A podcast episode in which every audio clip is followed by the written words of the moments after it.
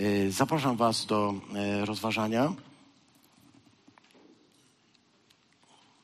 Dzisiejsze rozważanie e, jest jakby kontynuacją tego, co tydzień temu. Pięćdziesiątnica Kerygmat Apostolski, część druga. Nie siliłem się specjalnie na nazwy, ale może też dlatego, że nie chcę prześliznąć się przez ten drugi rozdział dziejów apostolskich, tak po prostu chwilkę chcę zostać dłużej i powiem dlaczego, bo to ten drugi rozdział dziejów apostolskich opowiada nam historię mm, powstania Kościoła, właściwie dokładnie pierwszy dzień historii Kościoła. Pierwszy dzień historii Kościoła opisany jest w drugim rozdziale. Rzadko kiedy możemy wiedzieć coś więcej na temat dnia, więc yy, to jest po pierwsze. Chcemy troszkę nieraz zostać, ale jest jeszcze drugi powód, bo za siedem lat, jak Bóg da dożyć, będziemy mogli wspólnie razem celebrować wydarzenie wyjątkowe, bo za 7 lat, w roku, w roku 2030, będziemy obchodzić dokładnie 2000 lat. Będzie rocznica dwutysiąclecia Kościoła. W związku z tym y, za 7 lat pewnie wrócimy do tego tekstu y, i będziemy mogli trochę więcej popowiadać, bo to jest po prostu coś niesamowitego. Wiem, że y, będą pewnie dwie rocznice. Jedna wypadnie w 2030, druga wypadnie w 2033, bo są dwie daty, więc my będziemy dwa razy obchodzić za 7 lat i jeśli Bóg pozwoli, za 10, a czemu nie, lubimy świętować. A więc y, z tego powodu postanowiłem zostać trochę dłużej i ten kerygmat apostolski jeszcze zgłębiać.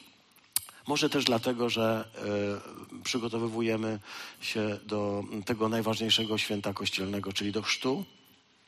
I kerygmat, y, który głosimy katechumenom, y, kerygmat apostolski jest elementem jakby e, budowania fundamentów. O tym mówiliśmy, więc już tego e, mówić nie będę. Poza tym, że bardzo dziękuję wszystkim tym, którzy przez te ostatnie dziewięć tygodni, dziewięć spotkań byli tutaj i mogliśmy wspólnie razem iść śladami tego, czym jest kerygmat apostolski. Pozwólcie, że przeczytam tekst, który dzisiaj będzie rozważaniem. Dzieje apostolskie, rozdział drugi, wiersz 37 do 40. Piotr wypowiedział kazanie, wypowiedział słowo, nauczanie, powiedział karygmat. Tak byśmy mogli powiedzieć. Ogłosił karygmat i karygmat ma to do siebie i różni się od kazań, wszystkich, które mogę powiedzieć i od jakichkolwiek innych rzeczy, które można powiedzieć, tym, że karygmat rzeczywiście wstrząsa człowiekiem. I tutaj tak zaczyna się 37 wiersz. Słowa, które usłyszeli, dogłębnie nimi wstrząsnęły i zapytali Piotra oraz pozostałych apostołów, co mamy czynić, mężowie bracia? A Piotr powiedział do nich, upamiętajcie się i niech każdy z was zostanie ochrzczony w imię Jezusa Chrystusa dla odpuszczenia waszych grzechów, a otrzymacie dar Ducha Świętego. Dla was bowiem jest ta obietnica i dla waszych dzieci, i dla wszystkich, którzy są z dala, ilu ich powo pa powołał Pan Bóg nasz.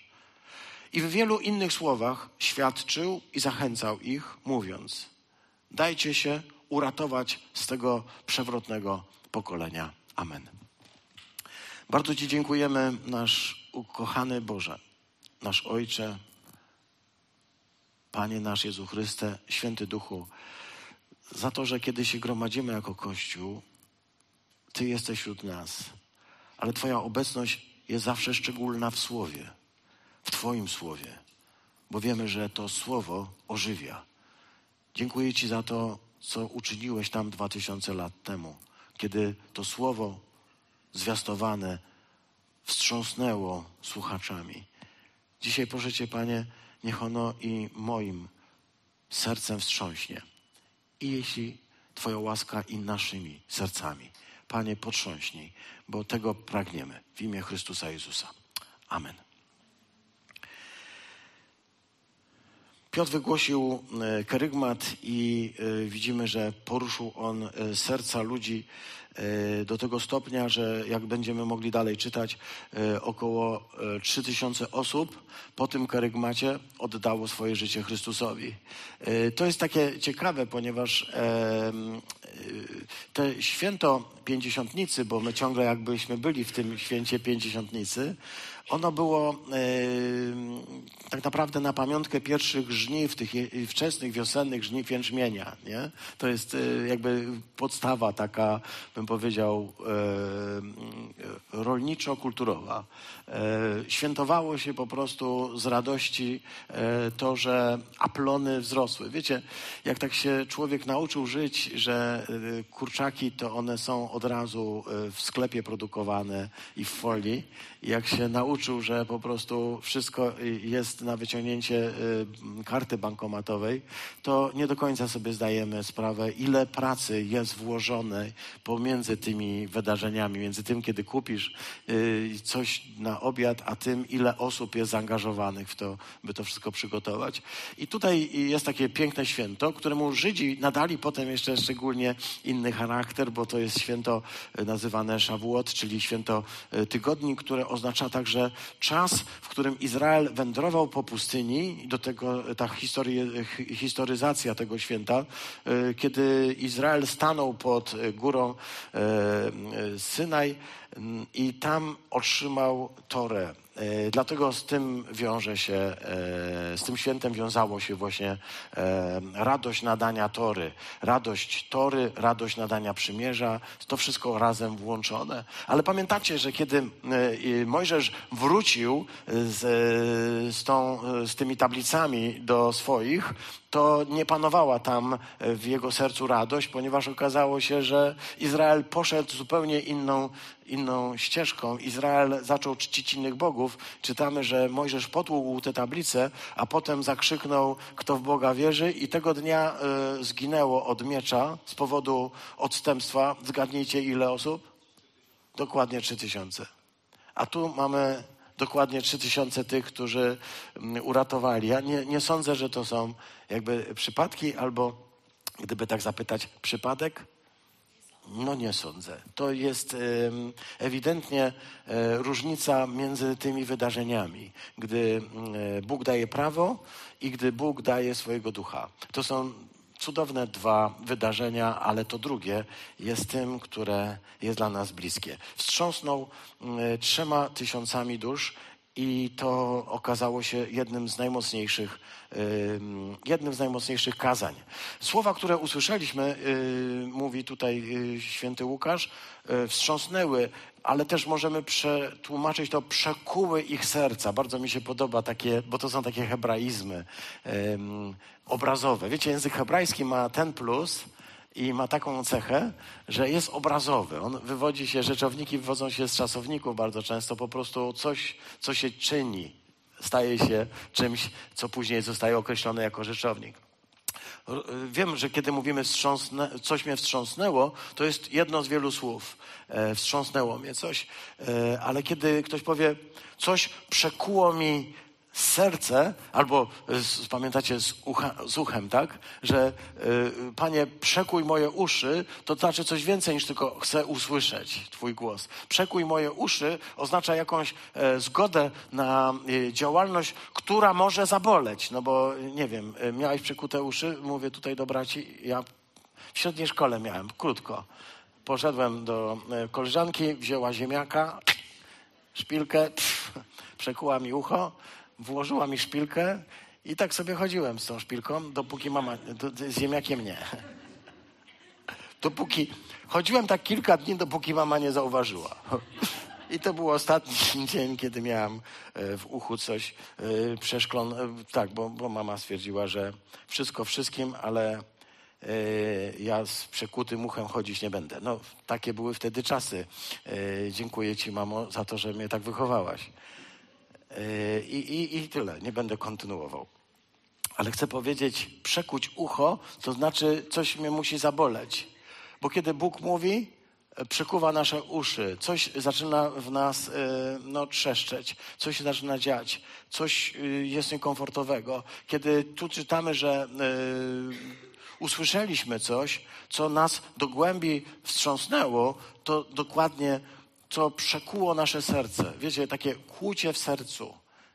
Kiedy y, masz coś tu poukładanego i nagle poczułeś jakiś dziwny taki ból, ale nie taki, wiecie, to nie chodzi o ból zawałowy, tylko taki, który tak cię przenika aż do wnętrza. To jest y, ten język i y, zostańmy na chwilkę na tym, ponieważ no, tu czytamy, że słowa, które usłyszeli, e, one, one wykonały tę pracę.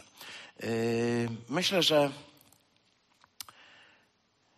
ja bym na, na, na sekundę został na tym usłyszeli, bo mówię, chciałbym tak rozważyć ten karygmat bez specjalnego pośpiechu.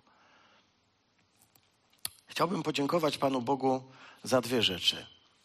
Tutaj na tym miejscu, teraz przed Wami. Po pierwsze, za to, że On y, mnie słucha.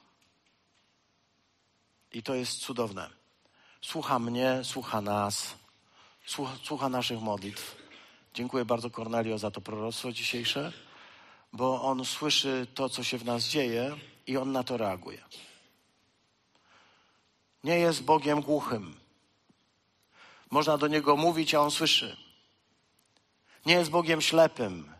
Widzi, co się dzieje. Nie jest Bogiem nieczułym, bo to nie jest jakiś Bożek wymalowany, ale żyjący Bóg z żywym sercem. Bogu niech będą dzięki za to, że nas słucha Chcę Ci podziękować, Boże, za to, że mnie słuchasz. To nie znaczy, że zawsze robisz to, co ja chcę. Skupić e, uwagę y, dzieci. Dzieci mają bardzo dużo pytań, i y, jedną z takich rzeczy, które robią często, to szarpią nas by zwrócić naszą uwagę i powiedzieć do nas, słuchaj, bo on mówi, ale my jesteśmy zajęci czymś innym. I on musi nas poszarpać trochę i powiedzieć, ale zatrzymaj się, posłuchaj, ja coś chcę. Mieliście tak kiedyś z dzieciakami? Okej. Okay. Bóg nie jest kimś, kogo muszę szarpać. Ale psalmy często mówią, panie nie śpi, panie nie śpi. Takie ludzkie nasze. Za to jestem bardzo wdzięczny Bogu, ale jestem wdzięczny też za coś jeszcze nie wiem nawet, czy mogę tak powiedzieć, że to, to będzie po ludzku zupełnie. E, tak nie można tego e, ustawiać. To nie są priorytety. To, że mnie słyszy, jest tak samo ważne, ale to, że ja mogłem usłyszeć, co mówi i czego ode mnie oczekuje. To, że on mówi i to, że on słucha, to jest fantastyczne ale on mówi i mówi, a ja e, nie słuchałem go. Ale pewnego dnia przemówił do mnie tak mocno, że przekuł moje uszy i usłyszałem, co chce mi powiedzieć. I zobaczyłem to, co on ma do powiedzenia. Zobaczyłem, co ma do powiedzenia. Jestem bardzo wdzięczny Bogu za dzień, w którym usłyszałem to, co on do mnie mówi bo to jest cud moich uszu. Bóg ma otwarte uszy. Bóg słyszy, kiedy do Niego mówimy. Bóg słucha tego, co mówi Jego Kościół. Bóg chce, żebyśmy do Niego mówili. Bóg chce, żebyśmy Go prosili i żebyśmy wierzyli. Ale On też chce, żeby wydarzył się cud, byśmy także my mogli usłyszeć. Tutaj tak się zaczyna ta historia. Słowa, które usłyszeli, dogłębnie nimi wstrząsnęły. Kiedy usłyszymy Słowo Chrystusowe, kiedy usłyszymy Słowo Boże, to ono nie jest tylko jednym z wielu słów, które słyszymy. To jest słowo, które burzy fundamenty naszych postaw, wywołuje wstrząs. Czy tak mogę powiedzieć? Słowo Chrystusowe wywołuje wstrząs. Nie jest kwiatem do kożucha, nie jest czymś dodanym nie jest czymś, czego jeszcze potrzebowałem, żeby mieć, wiecie, e, komplet wszystkich fajnych rzeczy, żeby jeszcze coś fajnego było. Kiedy Bóg przemawia, kiedy zaczyna przekuwać moje uszy, kiedy wywołuje we mnie e, swoje słowo, kiedy to słowo zaczyna do mnie docierać, wtedy to słowo wywołuje we mnie wstrząs. Ono, ten wstrząs powoduje, że to, co wydawało się poukładane, dzisiaj się po prostu często porozsypywało. Rozsypało się, tak bym powiedział, dokumentnie. I za to chcę Ci, Panie Boże, też podziękować. Za to, że Jezus słucha, ale także za to, że przekuł moje uszy. Jest to chyba jedna z najpiękniejszych rzeczy. Może to właściwie jest to, co powoduje, że jestem chrześcijaninem? Czy mogę tak powiedzieć? To, że jestem chrześcijaninem, jest właśnie dlatego, że usłyszałem. To, co się stało w dniu pięćdziesiątnicy, może nam trochę umknąć. Zobaczcie, tam się bardzo dużo rzeczy dzieje, ale u, u wrót wszystkiego, u podstaw wszystkiego stoi to, że oni usłyszeli. Dziwne jest to, nie wiem, czy wam się też to tak dziwne wydaje, że różni słuchają, a jedni usłyszą, drudzy nie. Że mówisz y, do wielu, ale tylko nieliczni słyszą. Tajemnica jakiejś Bożej życzliwości wobec Ciebie. Dlatego powiedziałam, że nie wiem, czy mogę tak powiedzieć, że jeszcze ważniejsze niż to, że On słyszy, bo to jest jakieś naturalne, jest to, że ja mogę usłyszeć. To słuchanie Jego jest zawsze mm, głębsze niż mi się wydaje. Ja mogę powiedzieć, Jezus słucha głębiej. E, oczywiście Jezus wszystko robi piękniej, głębiej i tak dalej. To tak łatwo, wiecie, powiedzieć takie. Jezus po prostu jest lepszy, więc on nawet słucha głębiej. Ale nie, ja nie, nie chcę tego tak, nie chcę tak to wyrazić. Jezus słucha głęboko, bo e, on słucha nie tylko naszych słów, nie tylko tego, co mamy do powiedzenia, ale słucha czegoś głębiej. I ja bym taki przykład tutaj podał, e, przykład, który myślę mm, jest. E, a, za dużo rzeczy. Muszę znaleźć.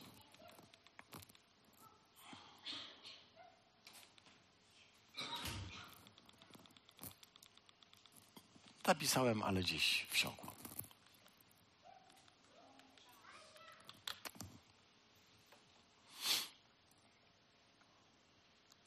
Syn marnotrawny.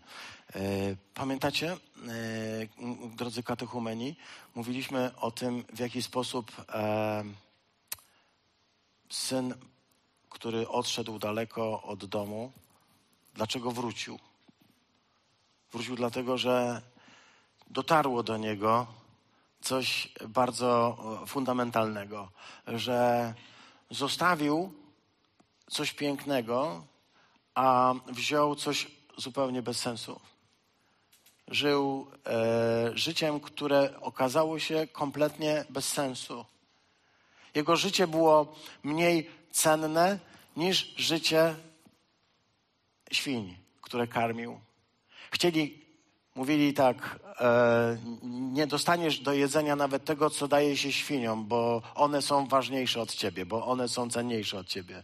Człowiek, który dochodzi do takiego momentu, kiedy okazuje się, że to, co myślał, że okaże się dla niego e, fantastycznym życiem, okazuje się czymś, co zupełnie się rozjechało. I on tam w sercu zaczyna mówić, wrócę do Ojca i powiem Ojcu, Ojcze, zgrzeszyłem przeciwko Tobie, przeciwko niebu, już nie jestem godzien nazywać się Twoim synem, uczyń mnie jednym z najemników. I on tak idzie z takim postanowieniem i myślę sobie, powtarza te słowa, Ojcze, e, nie jestem godzien. Jak ja to powiem? Ojcze, nie jestem godzien, um, aby nazywać się dalej Twoim synem. Nie jestem godzien, bo zgrzeszyłem. Zgrzeszyłem przeciwko Tobie, zgrzeszyłem przeciwko niebu, zgrzeszyłem przeciwko braciom, zgrzeszyłem przeciwko ludziom. Już nie jestem godzien się nazywać Twoim swoim synem, uczyń mnie jednym ze swoich najemników i tak idzie. I kiedy um, nagle od, otwiera oczy, widzi ojca, który biegnie do niego i który go po prostu przygarnia, przytula. I on zaczyna swoją kwestię mówić. Mówi, ojcze, nie jestem y, już y, godzien nazywać się. Nie? On mówi, ojcze, zgrzeszyłem przeciwko tobie, przeciwko niebu, przeciwko y, wszystkiemu temu, co mi mówiłeś. Ojcze, zgrzeszyłem i on ma dalej kwestię do powiedzenia, ale ojciec już go nie słucha. Ojciec, e, czytamy, rzuca się, przytula, e, całuje. E, on nie jest w stanie tego wszystkiego powiedzieć. Dlaczego? Czy to nie jest ważne, żeby on swoją kwestię do końca wyraził? Powiedzieliśmy sobie, ojciec słyszy to, co syn chce powiedzieć. Nie musisz wszystkiego powiedzieć, bo ojciec słyszy. I to jest ta, to, ta jego zdolność do słuchania. Ale jeszcze drugi przykład, który mi się też e, bardzo podobał. Przykład Nikodema. Nikodem to taka postać, e, wszyscy dobrze znamy. Nie chodzi o tego Nikodema, nie. Chodzi o tego z Ewangelii Jana. e, z trzeciego rozdziału. On tam e, przychodzi do Jezusa i mówi w ten sposób. My wiemy, że ty jesteś na, porządny rabi, że ty jesteś fajny rabi, że ty jesteś dobry rabi. I tak mu kadzi. A Jezus do niego mówi tak. Jeśli się nie narodzisz na nowo, nie wejdziesz do Królestwa Bożego. Jak czytam ten dialog, to muszę powiedzieć, on jest nie z gruszki, nie z pietruszki. Jezus nie odpowiada typu, no tak, wiesz co, no rzeczywiście dziękuję za miłe słowa, to fajne jest, że tak sądzisz o mnie, że jestem dobrym rabinem i tak dalej. Dlaczego Jezus zmienia zupełnie temat? Dlaczego Jezus zupełnie nie odpowiada na te wszystkie komplementy, które mu tam e, Nikodem prawi? Dlaczego od razu zaczyna od tego stwierdzenia, które brzmi e, tak ostro, że Nikodema zatkało? Jeśli się nie narodzisz na nowo, nie wejdziesz do Królestwa Bożego. Dlaczego? Bo to było w jego sercu. Bo do, dokładnie tego potrzebował. Bo on dokładnie o tym myślał. Mówił to, co należy powiedzieć w ramach kultury, y, różnych przywitań. Ale Jezus przechodzi, żeby powiedzieć to, co naprawdę jest w człowieku. I kiedy czytam Ewangelię, ja się co i róż oto potykam, napotykam, kiedy widzę, że Jezus jakby nie odpowiada wprost na różne życzenia ludzi, na różne kwestie, tylko jakby od razu dociera do sedna, dlatego że jakby głębiej słyszy. I jestem za to mu bardzo wdzięczny. On rzeczywiście głębiej słyszy. Wsłuchuje się w nasze potrzeby. Słucha.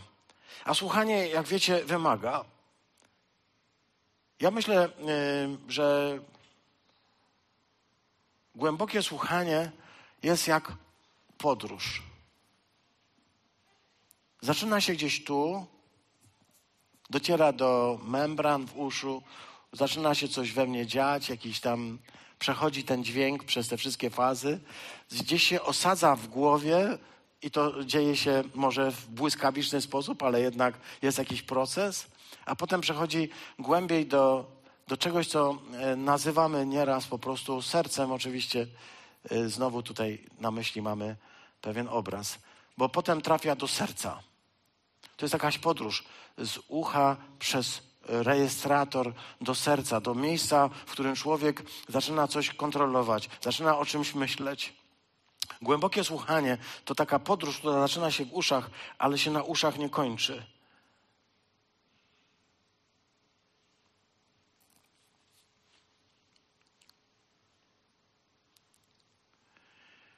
Chciałbym, żebyśmy mogli e, zobaczyć, że to Jego mówienie do nas jest takim mówieniem, które musi nas e, wstrząsnąć i poruszyć, przekuć, przekuć nasze serca. E, wstrząsające i poruszające jest właśnie to, że kiedy On zaczyna do nas mówić, zaczynamy, zaczyna budować się nowy obraz Nie będzie to specjalnie odkrywcze, co powiem, ale siostry bracia, dla mnie niezwykle ważne. Mamy fałszywy obraz Boga. Ten fałszywy obraz Boga wziął się stąd, że zostaliśmy po prostu zainfekowani grzechem. Ten grzech yy, diabelein, od tego pochodzi diabeł on miał na celu zafałszować nasze patrzenie, kim jest Bóg. Miał na celu także zafałszować Boże patrzenie na nas, ale tego nic nie zmieniło. Kiedy Bóg zaczyna do mnie mówić, zaczyna odbudowywać swój prawdziwy obraz we mnie. Dlatego tak ważne jest, żebyśmy go słuchali, bo ten Jego głos i to Jego słowo zaczyna budować mi prawdziwy obraz, kim on jest. To jest bardzo ważne. Jeśli przyjmę, że mam fałszywy obraz Boga, od dzieciństwa miałem fałszywy obraz Boga.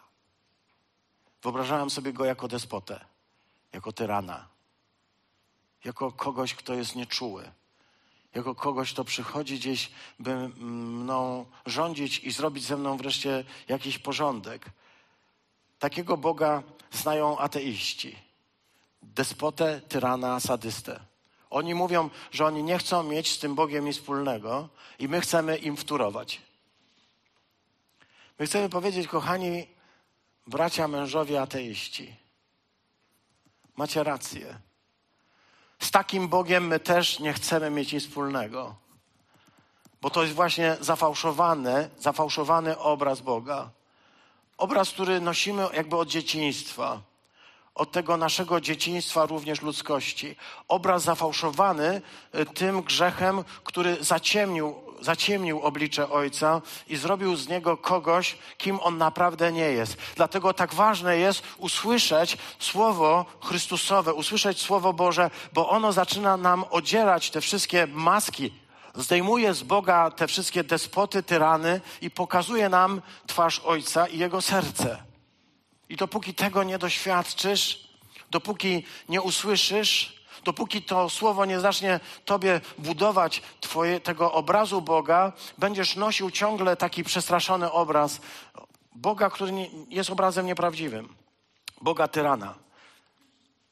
Na ostatnim, ostatnich rozważaniach z kerygmatem zwróciliśmy uwagę na coś takiego, co też jakby zachwyca.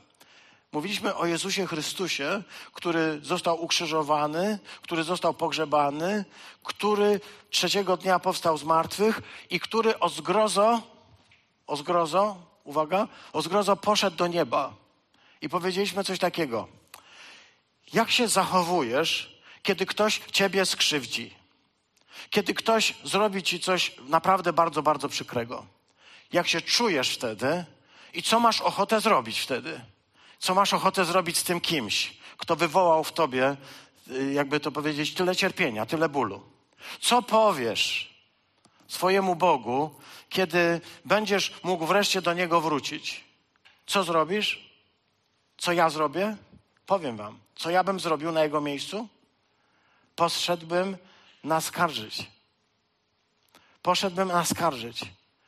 Powiedziałbym, widzisz, ojcze, poszedłem tutaj na ziemię, bo mi powiedziałeś, idź, synku, idź.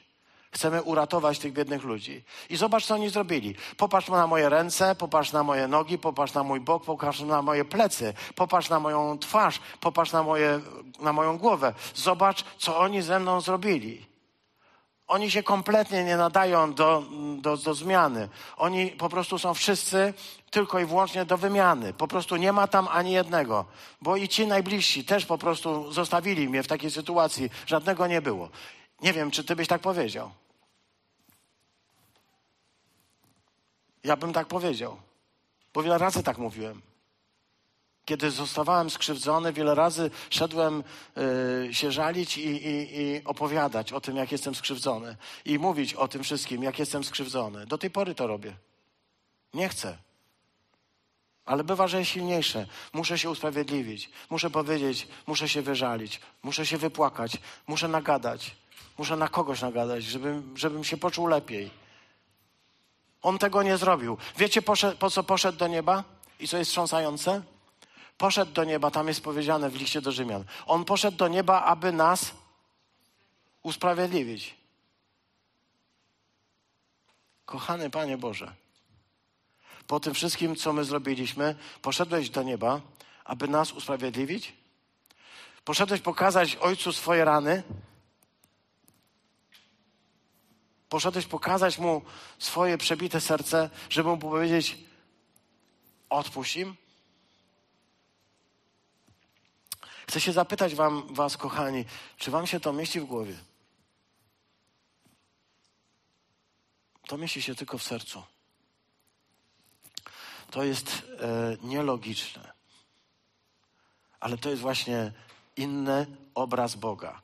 I póki słuchasz póki słuchasz tego wszystkiego, co ludzie mówią, co mówią nasi kochani ateiści o Bogu, kiedy oni mówią o tym, że On jest despotą i tyranem, kiedy oni opowiadają Ci niestworzone rzeczy, to oni mają pewne wyobrażenie, które stało się ich udziałem na skutek grzechu. Oni w grzech nie wierzą, więc tak jak w Boga, więc nie wierzą w to, że ich punkt widzenia jest po prostu zupełnie zmieniony. Jest zupełnie zakręcony. Oni nie widzą rzeczywistości takiej, jak, jaką, jaka jest, ponieważ nie usłyszeli usłyszeli słowa Chrystusowego. Nie dotarło do nich słowo, które wstrząsnęło, które pokazało, że Jezus Chrystus umarł za nasze grzechy i wstąpił do nieba, aby nas usprawiedliwić. I siedzi teraz y, po tronie, na tronie Bożym, siedzi po prawicy Bożej i wiecie co robi? Wiecie co robi Chrystus teraz, dzisiaj, tu? On wstawia się za nami. On się za nami wstawia, za tobą i za mną. Wstawia się dlatego, że jesteś fajny? Wstawia się dlatego, że jesteś grzeczny? Wstawia się dlatego, że jesteś miła? Wstawia się dlatego, że nic nie zrobiłeś złego? Wstawia się dlatego? Nie. Wstawia się z jednego powodu. Ponieważ Cię umiłował.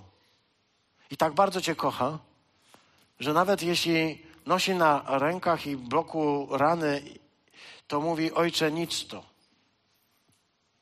Chciałoby się tak przecytować klasyka. Nic to.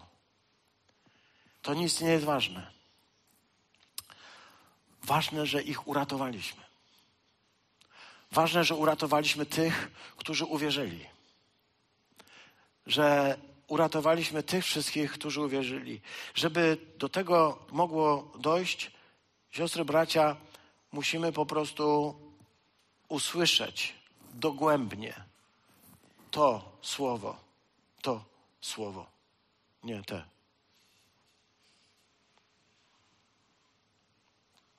I właśnie wtedy może się okazać, że jesteśmy więcej niż zwycięzcami. Więcej niż zwycięzca to ktoś, kto nie walczył, a wygrał. Nie walczył, a wygrał. Idziemy za Jezusem. On wygrał i przetarł szlak, a my za nim. Gęsiego. Jak kaczki za matką, te małe kaczuszki takie. Albo gęsi, bo gęsi chyba chodzą gęsiego. Nie wiem. Słowa, które usłyszeli, dogłębnie nimi wstrząsnęły i zapytali Piotra, albo za pozostałych apostołów, co mamy czynić mężowie bracia. Właśnie to ja chciałem o tym mówić. Przepraszam. Co mamy czynić, mężowie bracia? Pytanie, które jest nader często zadawane. Co robić? Pytanie, które e, zadawał e, na przykład, zadawali Janowi Chrzcicielowi. W Ewangelii Łukasza jest kilka razy.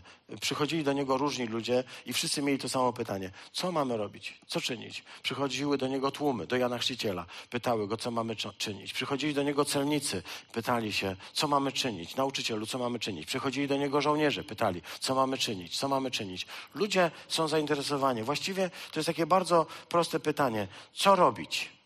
Co robić? W sytuacji, w której zaczyna do nas coś docierać, co robić? I teraz tak, mamy e, bardzo, to jest fundamentalne pytanie. Ja się nad nim muszę chwilkę zastanowić, bo ono jest takie bardzo ważne. Co mamy czynić? Co, co robić? Dlaczego ono jest ważne? Dlatego wiesz, że może być tak, że y, znasz odpowiedź. I najczęściej już od razu możesz ją sobie udzielić. Bo najczęściej jest tak, i poradniki tak stanowią, poczytałem trochę poradników, żeby wiedzieć, że nie mówię bzdur. One mówią tak, prawda jest w tobie. Więc jak sobie zadasz pytanie, co robić, to w tobie jest prawda i możesz ją sobie odkryć. I ja myślę sobie, że w niektórych wypadkach tak jest, że jak sobie zadasz dobre pytanie, to jesteś w stanie na nie dobrze odpowiedzieć. Tak? Ale to nie są, jakby to nie są reguły.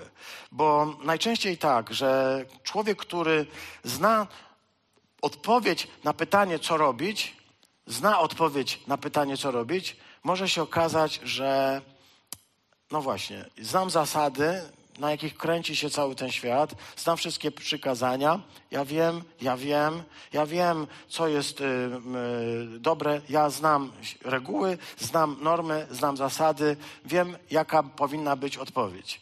Yy, dam wam dwa przykłady, tak szybciuśko, żeby nie przedłużać. Jeden przykład to yy, przypowieść Jezusa o pewnym bogatym człowieku, któremu obficie obrodziła ziemia i kiedy mu tak obficie obrodziła ziemia, że mu po prostu jakby miliony na polu wyrosły, zadał sobie pytanie, co robić i tu jest napisane i yy, w końcu sobie tak odpowiedział na to pytanie. I odpowiedział sobie, to ja tak zrobię. Zburzę swoje stare spichlerze, zbuduję większe, wszystko zgromadzę, wszystkie moje dobra, a wtedy usiądę, będę sobie jadł, będę sobie pił, będę się bawił, bo przecież życie chyba na tym ma polegać, nie? Żebym miał co jeść, żebym miał gdzie mieszkać, żebym mógł jeść, pić i bawić się. Przecież dzisiejszy świat tak właśnie konstruuje y, to wydarzenie. Jedz, pij, baw się, rób co chcesz. Masz wystarczająco dużo dóbr. I tam pada takie zdanie, które jest przerażające przy takim sposobie myślenia, myślenia ponieważ wtedy Bóg powiedział do niego, głupcze, tej nocy będzie ci życie zabrane, więc to wszystko, co zgromadziłeś, komu będzie oddane? Jeśli nie, nie gromadziłeś sobie skarbu w niebie, o tym skarbie mówił dzisiaj Grzesiu, jeśli nie gromadziłeś sobie skarbów w niebie, jeśli żyłeś tylko po to, żeby żyć, pić, jeść, bawić się, to chcę powiedzieć, wtedy jesteś po prostu skończonym idiotą. Tak możemy to powiedzieć. Y, na czym polega problem? Na tym, że zadał ważne pytanie, ale nie poczekał na odpowiedź. Zadał pytanie i posłuchał się wszystkich um, ważnych um, trenerów, coachów, którzy mówią: zadbaj o siebie, zadbaj o siebie, myśl o sobie. Po to masz to wszystko, żebyś mógł jeść, pić, bawić się, żebyś mógł brać życie takim, jaki jest. Zobacz, to wszystko jest właśnie tak specjalnie urządzone i on w te kłamstwo uwierzył, nie wiedząc, że jego życie jest w rękach Wszechmogącego i to jego powinien zapytać, co mam zrobić, Panie, z tym wszystkim, co tak pięknie mi obrodziło. Jest drugie przy, yy, druga przypowieść. Przypowieść o pewnym bogatym człowieku, który został oskarżony przez swojego zarządcę o to, że tra tracił, trwonił majątek. I wtedy y, ten zarządca powiedział, co ja tu słyszę o tobie? Będzie musiał się rozliczyć ze wszystkiego, ponieważ już dalej nie będzie zarządcą. I wtedy on pomyślał sobie tak, co zrobię? Ja tego nie umiem, tamtego nie umiem. I odpowiedział sobie, będę po prostu e, oszukiwał. I poszukiwał tego swojego pana, ponaciągał różne rzeczy. Bardzo ciekawa przypowieść, prawda? Ponieważ on też sobie odpowiedział na pytanie, co robić. I to jest bardzo ważne. Możesz odpowiedzieć sobie na to pytanie. I najczęściej taka odpowiedź e, doprowadzi cię do różnego rodzaju pokrętnego myślenia. Takiego pokrętnego jak ten pierwszy przypadek, takiego pokrętnego jak ten drugi przypadek, kiedy siadasz i fałszujesz różne rzeczy, żeby wyjść na swoje, po prostu zaczynasz tak zwane kombinacje swoje własne czynić i to będzie straszne, co się będzie działo. Może być też jeszcze inny przypadek. Przychodzi pewien człowiek, dostojnik, młodzieniec, jak powie Ewangelia Marka, przychodzi do e, Chrystusa, aby zadać mu to samo pytanie: co mam czynić, co mam robić, co mam robić? Jezus mówi mu do, do, niego, mówi tak, słuchaj, wiesz co, mam taki pomysł na twoje życie. Sprzedaj wszystko, co masz, rozdaj ubogim, chodź za mną. I ten człowiek odszedł smutny i powiedział takiej odpowiedzi, do sorki, ale takiej to nie chcę. Co mamy czynić, mężowie bracia? Zadać pytanie i poczekać na odpowiedź poczekać na wstrząsającą odpowiedź, która otworzy moje oczy i spowoduje, że przestanę widzieć świat tak jak do tej pory. Tego chcemy, siostry bracia, tego chcemy, żeby Bóg nami wstrząsnął, żebyśmy mogli zobaczyć, co tak naprawdę do nas mówi. Jakiego Boga zaczyna nam pokazywać Jego Słowo.